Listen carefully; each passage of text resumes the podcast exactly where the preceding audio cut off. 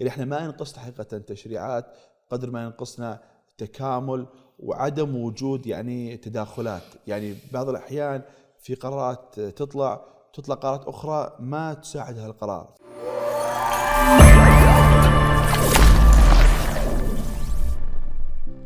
لنلهم العالم مع الدكتور عامر العنزي. الله يحييك يا دكتور عامر. الله يحييكم. الله يعطيك الصحة والعافية. نورت اليوم. نوركم هذا. الله يعطيكم الصحة والعافية. الله يعطيك العافية. طبعا الدكتور عامر أكاديمي ومستشار لدى جهات خاصة عديدة بالقطاع الصناعي واللوجستي. آه كذلك ناشط ومهتم بسلاسل الإمداد الدوائية والأمن الدو... والأمن الدوائي الوطني والأمن الدوائي الوطني. طيب الشيء المميز في الدكتور عامر أنه هو دكتور.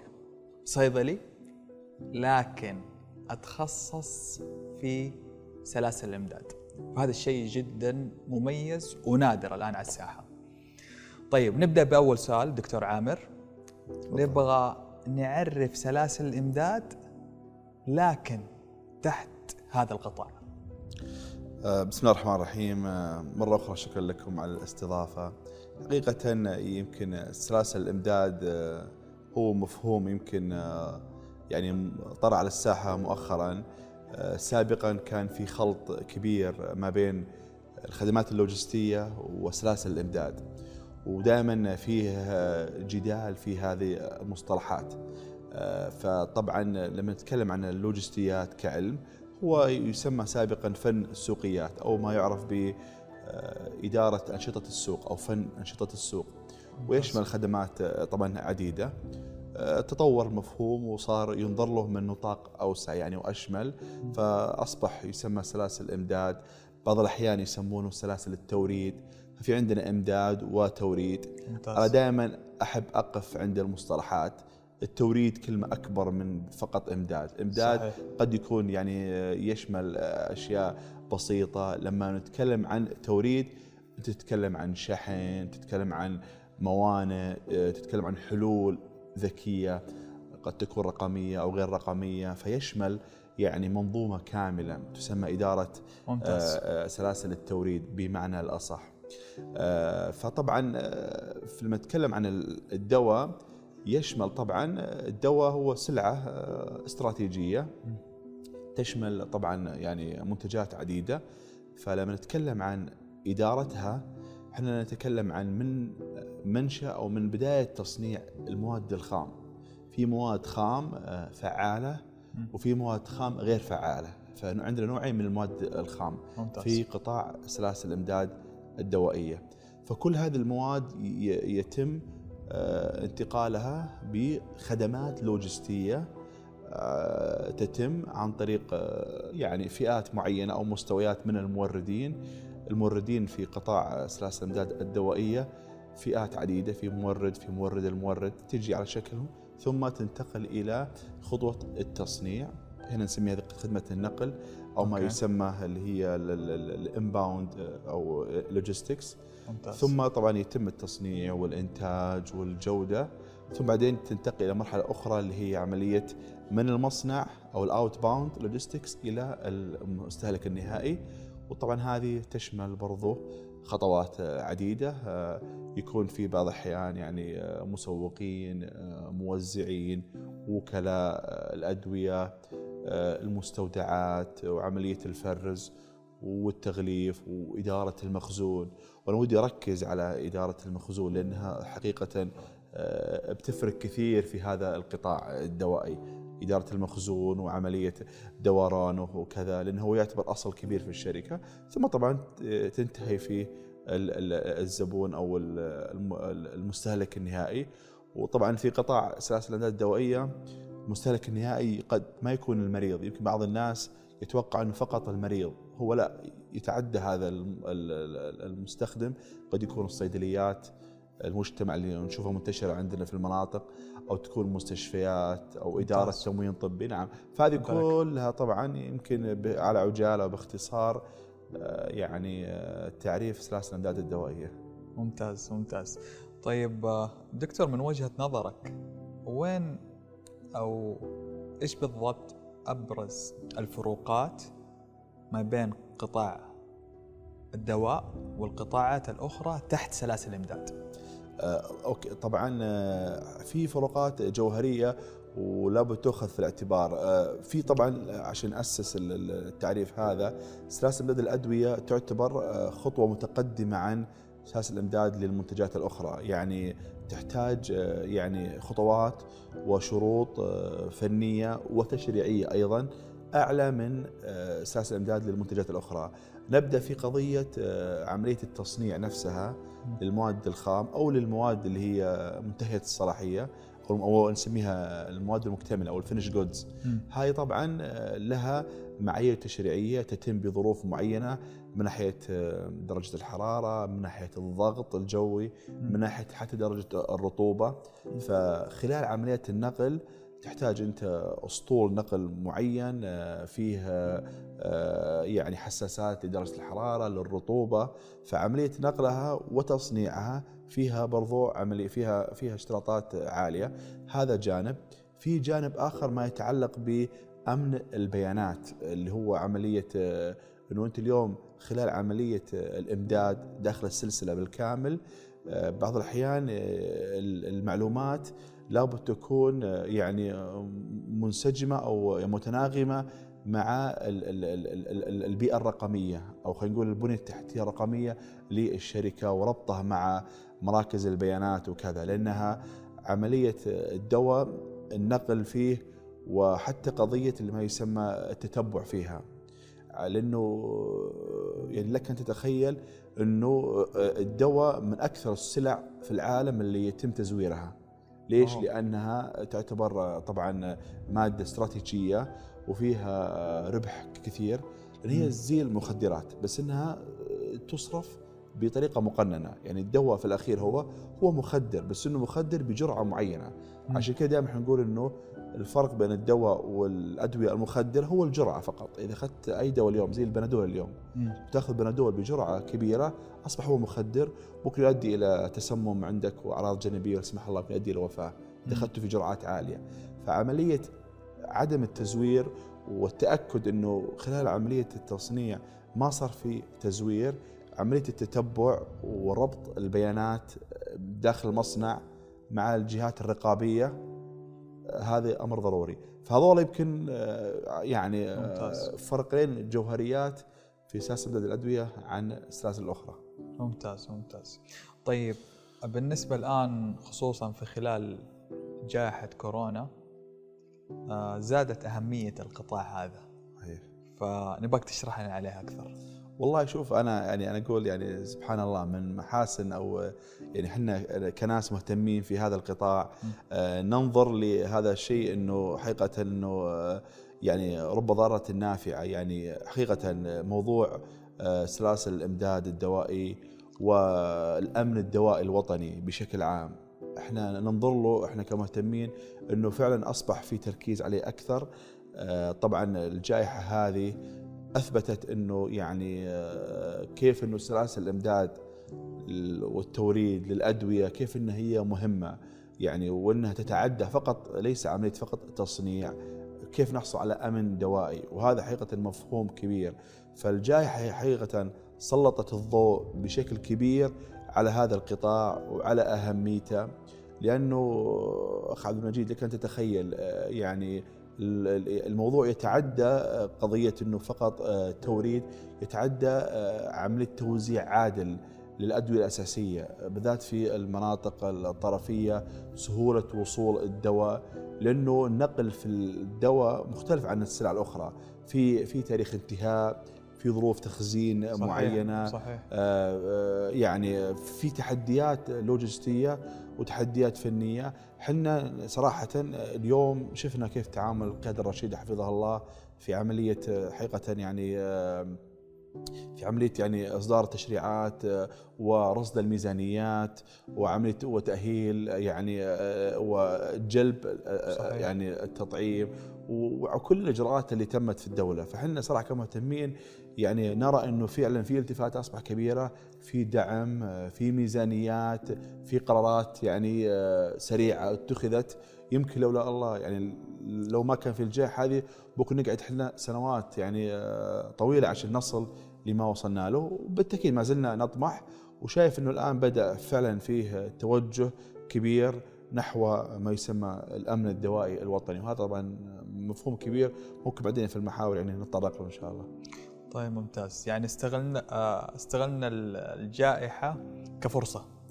بالضبط هذا اللي إحنا اللي نشوفه صراحة يعني. وهذا واضح للعيان. يعني مو بس حتى قطاع الأدوية حقيقه.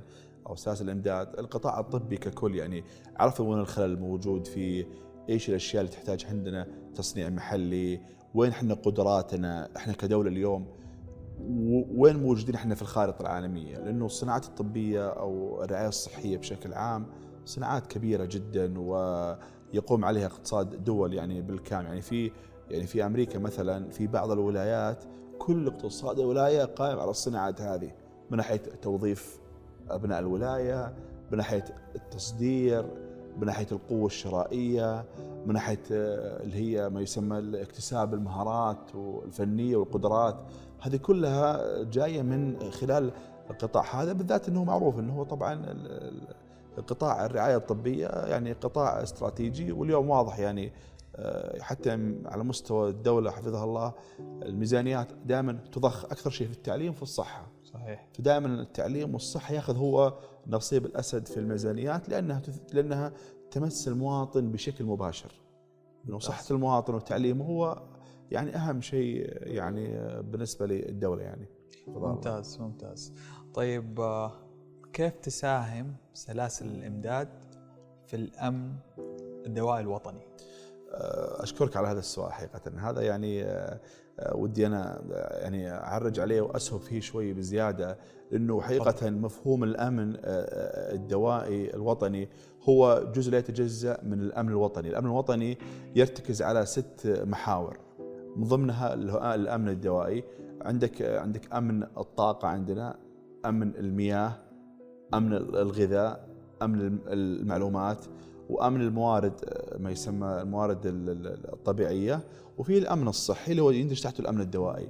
في كثير من الناس لما تقول له أمن دوائي وطني يتصور الموضوع إنه فقط يعني يمكن في بعض الناس حتى المهتمين وبعض الصيادلة يتوقع إنه الأمن الدوائي اني أنا فقط إني أنا أصنع عندي محليا يعني الصناعات اللي برا أجيبها محليا. هذا طبعا جزء لا يتجزأ من الأمن ولكن ليس كله. الموضوع يتعدى إلى أبعاد أخرى. إحنا نتكلم عن أمن دوائي بمفهومه الشامل والواسع. إحنا نقصد حقيقة أول حاجة يكون عندي فيه مخزون استراتيجي احتياطي. وهذا المخزون آه، وأنا ذكرت في أكثر من من من مكان يحتاج له إدارة حكومية أو خلينا نقول سيادية. يعني مثلا في أمريكا آه، كل الأشياء اللي لها علاقة في الأمن الوطني سواء دواء أو غذاء توكل دائما بجهات سيادية زي وزارة الدفاع يعني البنتاغون في أمريكا مم. الاستخبارات مثلا السي اي اي لأنها فيها معلومات أمنية حساسة ويعتبر هذا خلينا نقول يعني لو لو لو لا سمح الله صار أي شيء يعتبر مهدد وطني هذا فدائما هي تلقاها تلقى على عاتق جهات دفاعية سيادية في في في في في, في, في الدول هذه فعلى ضوء ذلك عملية ان يكون عندك أنت مخزون احتياطي استراتيجي. هذه برضو جزء كبير من الأمن الدوائي. برضو عندك موضوع اللي هو سهولة الوصول للمخزون هذا. دائما في حالة الكوارث لا سمح الله الآن زي الجائحة صار مثلا في زلازل صار في فيضانات يعني دائما أنت وصولك للمخزون هذا دائما في السلاسل الامداد الدوائية ما تبغى أنت تقطعات. لأن هذه التقطعات يعني ينبني عليها حياة ناس موجودين. آه، ولأن المخزون هذا يتكون من عناصر معينة. أنا ما أبغى أصنع كل حاجة. أنا أبغى أصنع أدوية تسمى أدوية منقذة للحياة life saving medicines حلو. أنا أتكلم عن أدوية آه، لها علاقة في العمليات الجراحية. أوقات الحوادث الكوارث الحروق كذا. في عندي أدوية لها علاقة اللي يسمونها الأدوية المزمنة زي كبار السن وكذا أدوية الضغط السكر. ففي خلينا نقول مناطق علاجية أنا أحتاج إني أركز عليها. هذه كلها تحتاج لها هيئة وطنية تدير هذا سواء تصنيع محلي أو استيراد. إحنا ما نقول لابد كل شيء نصنعه كل شيء نستورده ونصنعه لأنه ما في دولة اليوم في العالم تستطيع أن تصنع كل شيء عندها. عندك دائما ميزه تنافسية. فبرضو يتعدى الموضوع إلى تدريب الكوادر الوطنية على موضوع التصنيع. برضو هذا جزء آخر من الأمن الدوائي الوطني. وآخر حاجة عملية اللي هو سهولة الوصول له والتوزيع العادل ما بين المناطق كلها يعني. فأنت تحتاج حقيقة هيئة وطنية إذا صح التعبير تعنى بالأمن الدوائي بالتكامل مع الجهات الأخرى آه، بدون طبعا ذكر اسماء علشان أنت فعلا تقول أنا حققت الأمن الدوائي. وهذا طبعا عملية مستمرة. يعني ما في اليوم أنا تقول لي والله أنا وصلت أمن دوائي خلاص أقعد وأرتاح. لا هي عملية مستمرة تحتاج لها متابعة ومراقبة كلها تؤدي في الأمن الدوائي الوطني. طيب ممتاز دكتور عامر. طيب من وجهة نظرك كيف تقيم تجربتنا في السعودية من ناحية سلاسل الإمداد في قطاع الدواء كمستشار كخبير كدكتور الله يعطيك العافية والله أنا حقيقة أنا يعني أنا أشوف إنه إحنا مست... الحمد لله يعني وضعنا جدا يعني مريح. أه الحمد لله يعني القيادة يعني رعاها الله قادر على توفير كل المستلزمات الطبية. أه خصوصا وقت الجائحة مثل الكمامات والأشياء هذه والجلوفز وكذا كلها كانت متوفرة الحمد لله وكذا. لكن كان في نوع من الربكة يعني عملية اللي هو حجم التصنيع. هل عندنا قدرة إن نصنع كل شيء اليوم كم احتاج أنا استورد يمكن في مناطق اللي هي دائما نركز على مناطق اللي هي أقل حظا يعني قد يكون ما يصلها بعض هذه. فإحنا لا شك إنه الحمد لله كان في استجابة آه، آه، سريعة. آه، سلاسل الإمداد حقيقة عندنا ما ما ما حصل فيها تقطعات زي ما إحنا شفنا مثلا زي أمريكا آه، زي أوروبا مثلا. دولة. صار في نعم صار في تقطعات صار في مشاكل آه، عمليات الشحن وتسكير الموانئ تعرف؟ صار في تسكير الموانئ. بل إنه حتى وصلنا إلى مرحلة إنه بعض الدول قال لك أنا ما ما راح أصدر وهنا يجي الخطورة. ما راح أصدر أنا أبغى يصير عندي اكتفاء ذاتي أول. فعطوا آه، يعني قرار آه، سيادي آه، من الحكومات للشركات اللي عندهم مصنعة بعدم تصدير بعض الاحتياجات اللي كانت ضرورية حقيقة. بس الحمد لله كدولة اللهم لك الحمد يعني خصوصا حتى في ذروة الجائحة ما تأثرنا وكان سلاسل الإمداد مستمرة وكذا. بس دائما إحنا نقول نبغى خطط استباقية، نبغى إدارة مخاطر ونبغى أمن دوائي وهذا اللي إحنا صراحة نطمح له، فالحمد لله كانت يعني ما شاء الله جميع الجهات الحكومية على قدم وساق، كان في تكامل، كان في زي ما قلت لك أنا سابقا تشريعات تم يعني آه، إقرارها حقيقة في وقتها وضع الميزانيات وهذا كان حقيقة شيء حقيقه يعني يثلج الصدر. اللهم لك الحمد يا رب. طيب آه، دكتور وش هي أبرز التحديات تحت هذا القطاع؟ أه والله أه يمكن لو بأذكر يعني أه التحديات حقيقة اللي أنا اللي أنا أراها اليوم أشوفها أه عدم يمكن وجود أه خلينا نقول مظلة أه وطنية أه موحدة للكثير من التشريعات يعني لما نتكلم إحنا خلينا ناخذ المفهوم الأوسع ليس فقط على موضوع الدواء لأنه الدواء بالأخير هو يتأثر بتأثر القطاعات الأخرى يعني من ناحية الموانئ لأنه أنت بتجيب الأحيان عن طريق الموانئ من ناحية النقل البري آه، من ناحية التنظيم للمستودعات وإدارة المخزون آه، يعني أنا أشوف إنه أكبر تحدي حقيقة في التشريعات آه، وجلب الاستثمارات الأجنبية لأنه قطاع اللوجستي آه، وسلاسل الامداد مكلفة من ناحية الأصول اولا. آه، تحتاج آه، اليوم عندك أنت أكثر من من 10 إلى 15 رخصة مختلفة على مستوى القطاع. على حسب أنت تتكلم عن مثلا في المستودعات في النقل في لوجستيات الطرف أو عفوا لوجستيات المايل الأخير على مستوى الشحن الجوي أو البحري أو الموانئ. حتى الجمارك والمواصفات والمقاييس هيئه الغذاء والدواء. ففي رخص كثير حقيقة دائما المستثمر أو إحنا ناس كمعنيين في القطاع يعني نجد صعوبة بعض الأحيان في عملية يعني إصدار الرخص هذه واشتراطات بعض الأحيان تكون كبيرة. فأول تحدي أنا أشوفه هو تشريعي حقيقة. صحيح. يكون في مظلة موحدة يكون عليها كل هذه وتكون تكون سهلة يعني زي ما تقول ون ستوب شوب يعني مكان واحد ممتاز. يتم فيه يعني. فهذا أول تحدي. التحدي الآخر حقيقة على مستوى المهارات أو العنصر البشري. يعني اليوم يمكن ما في إلا عندنا كم كلية بدأت تدرس مفهوم سلاسل الإمداد والدواء عندنا كليات الصيدلة وأنا ذكرتها في أكثر من يعني منصة إنه لابد يصير في تركيز على هذا العلم لأنه أنا اشتغلت في مصانع وأشوف إنه أغلب الناس اللي يشتغلون في مصانع الأدوية بعيدين عن هذا المجال. يعني أخذوه بالممارسة. وليس ب يعني خلينا نقول بالتدرج التعليمي المميز يعني. فأنت تحتاج حقيقة تركيز من ناحية التعليم آه، بناء المهارات. هذا يعني آه، تحدي آه، معين. وآخر حاجة حقيقة يعني أتمنى يكون في ويعني أنا حتى برضو أشيد بمؤخرا صدور اللي هو وكالة خاصة تحت وزارة النقل تعنى بالخدمات اللوجستية.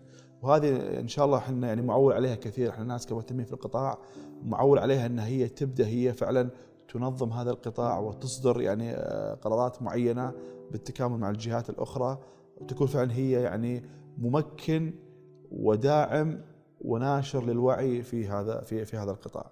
فهذا خلينا نقول يمكن أبرز التحديات اللي أنا أشوفها، في بعض أمور أخرى فنية هي ممكن يعني تجي كتحصيل من من من من الأمور التشريعية أو الأمور يعني آه، التنظيمية الأخرى يعني. ممتاز ممتاز. الله. بما أنك تكلمت عن وزارة النقل والخدمات اللوجستية نبي نعرف دورها أكثر تحت سلاسل الإمداد في قطاع الدواء.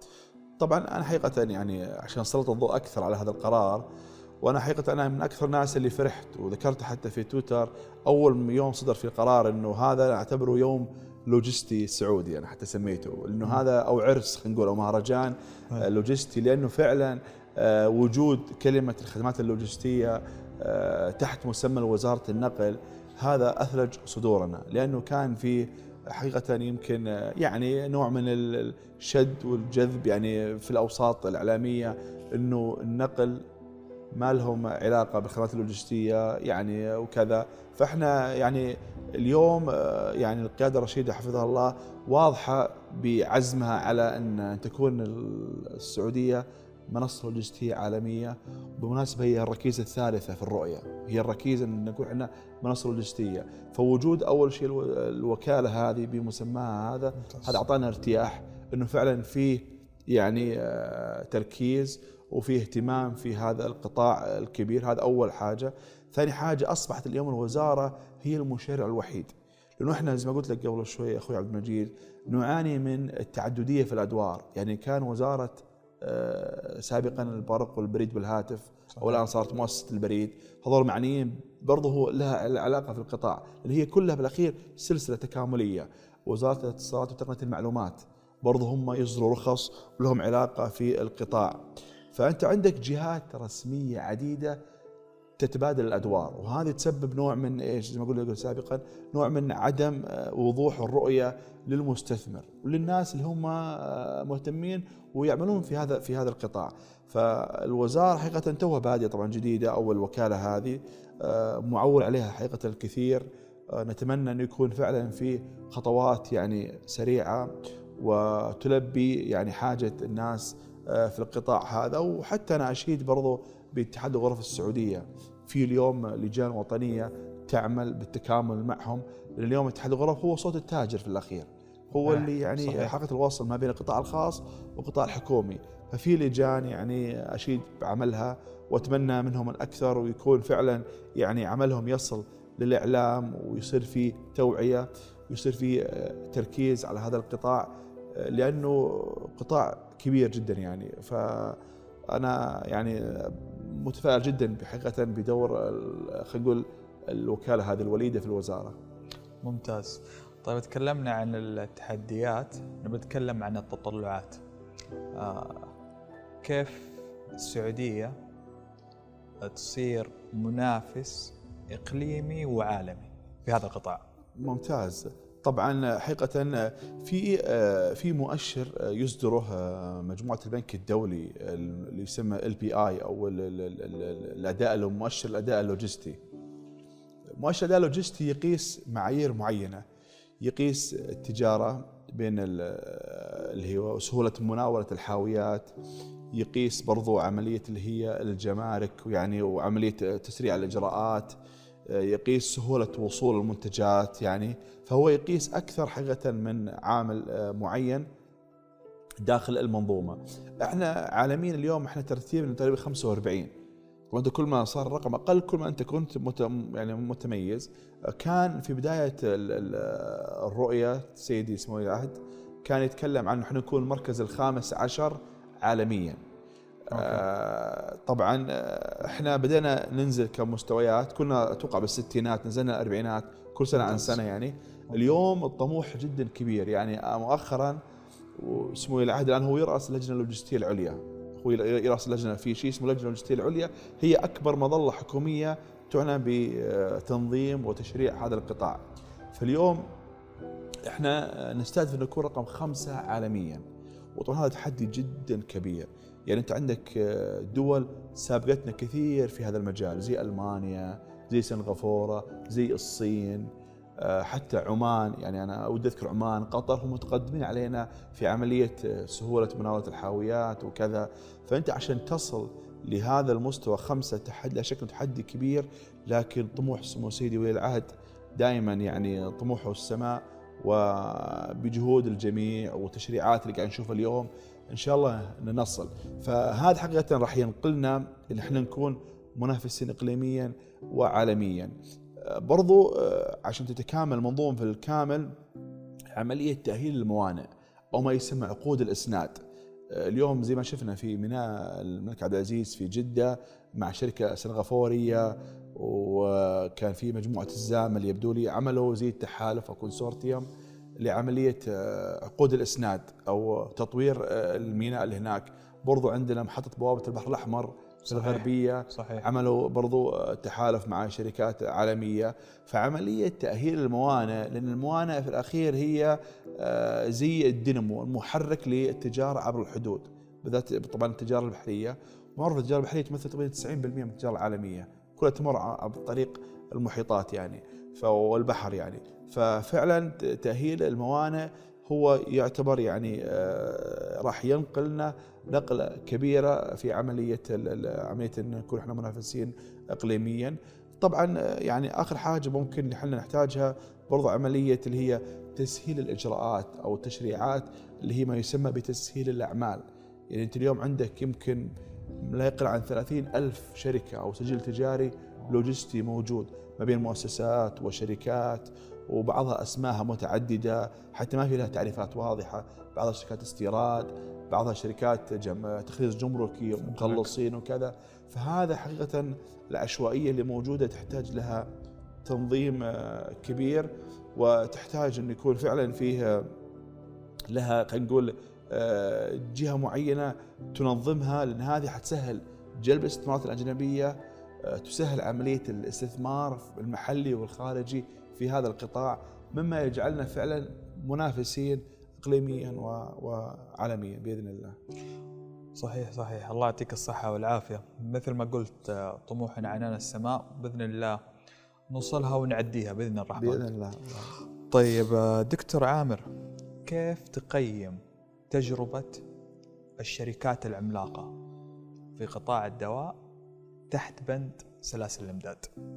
طبعا لا شك يعني إحنا نتكلم اليوم مثلا يمكن بعض الشركات اللي برز اسمها شركة فايزر شركة أسترازينيكا هذه شركات عملاقة. ودائما أشيد حقيقة أن الشركات هذه لم تكن اليوم على ما هي عليه الآن لولا وجود سلاسل إمداد دوائية متينة. يعني وجود سلاسل إمداد متينة خلى هذه الشركات يعني دائما آه، تصل آه، بشكل كبير. عنده يكون سرعة في في الإنتاج آه، والجودة وعندهم يعني خلينا نقول تحالفات ونماذج أعمال. هنا أنا برضو أشيد في معلومة نماذج الأعمال لأنه اليوم القطاع اللوجستي لا ينمو من من تلقاء نفسه. لابد يكون في عندي نماذج ما يسمى 3 بي ال و 4 بي ال اللي هي لوجستيات الطرف الثالث صحيح. لوجستيات الطرف الرابع.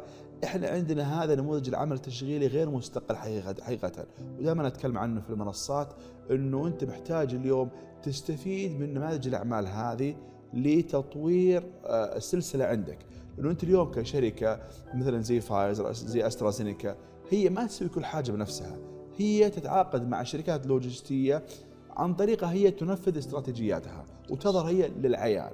يعني تلاقي مثلا شركة زي فايزر شركة عملاقة. قد تكون إمبراطورية. عندها سلاسل امداد متينة آه، عندهم دقة في في في الجودة والوقت والتكلفة. دائما يحاولون هم يضبطون الثلاث معايير هذه.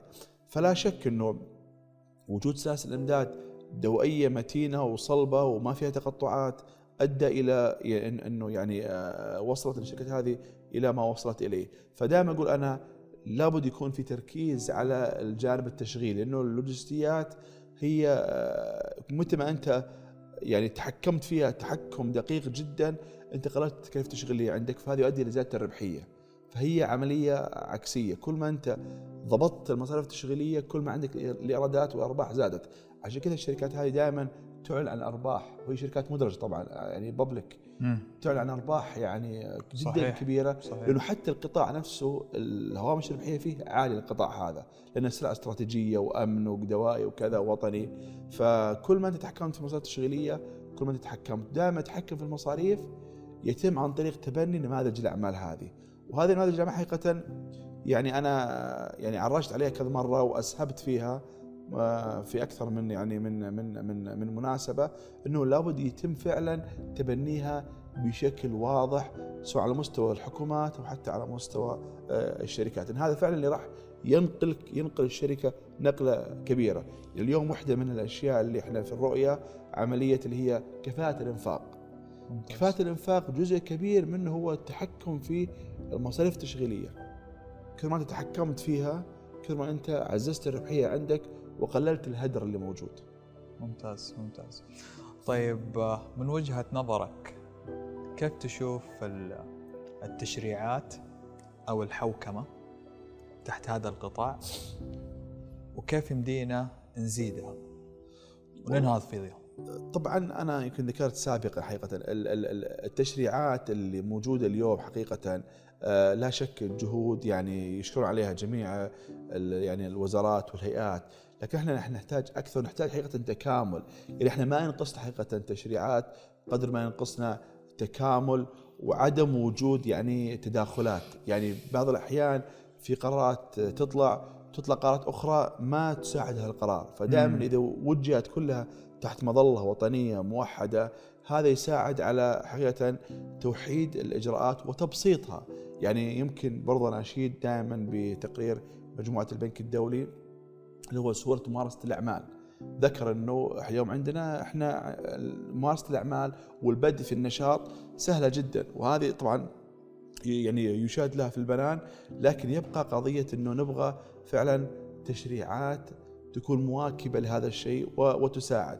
فعملية الحوكمة على مستوى الشركات هذه طبعا يعني يعني ضرورية وهي طبعا تصب كلها في الأخير في دعم يعني آه، آه، يعني النهوض في في في, في هذا القطاع صحيح. الحوكمه هي جزء من العملية التشريعية هي جزء من عملية يعني آه، ما يسمى اللي هي التنظيم داخل الشركة وتحول الشركات إلى شركات يعني إقليمية وشركات عالمية. وهذا أحد ترى برامج الرؤية إنه كيف أو أحد المبادرات كيف نخلي شركاتنا شركات عالمية ننقلها من فقط تكون هي شركة محلية لشركة رائدة إقليميا ثم رائدة عالميا. فهي كلها تصب في هذا المسار.